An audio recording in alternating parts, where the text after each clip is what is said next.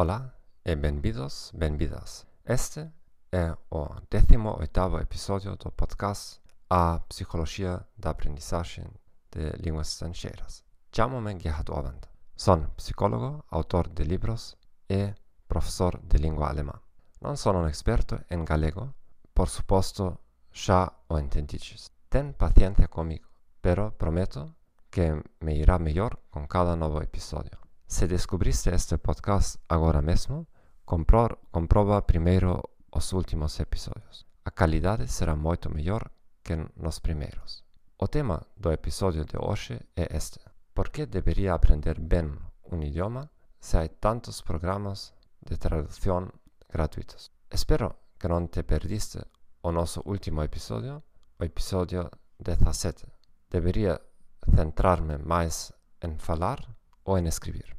Podes atopar todos os episódios de podcast no nosso ar arquivo.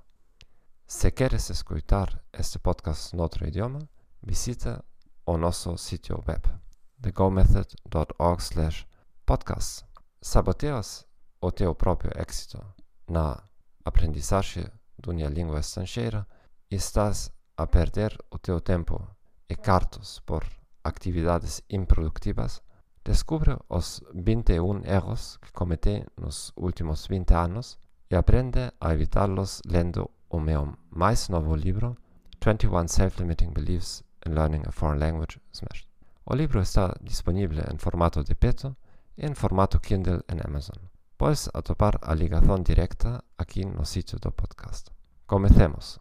¿Por qué debería aprender bien un idioma si hay tantos programas de traducción gratuitos? Os meus três argumentos mais importantes são: 1. Um, a gente sempre preferirá escutar vozes humanas.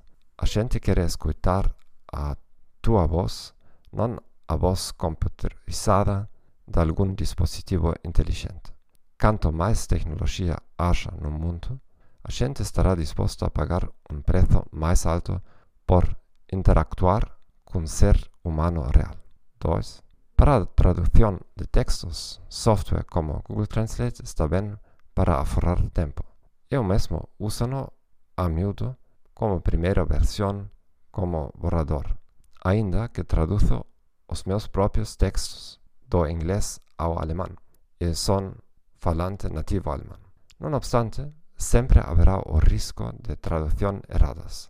Mesmo co mellor tradutor intérprete humano, isto sucede non aprendendo ben un idioma, renuncias ao control da tua mensagem e os pequenos erros adoitam ter consequências desastrosas numa relação privada, numa chamada de vendas ou numa negociação.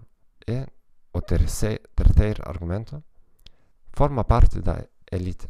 Quantos mais dispositivos de idioma acha, a gente mais perezosa converterás.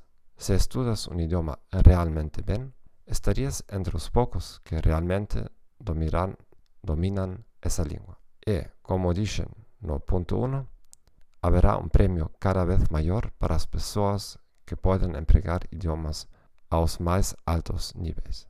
Gracias por escuchar o 18 episodio de A Psicología da Aprendizaje de Línguas Extranjeras. Espero que esta información serwisy Dashwood. Subscríbete a nosso canal en Apple Podcast, Spotify, Stitcher o no teu servicio favorito.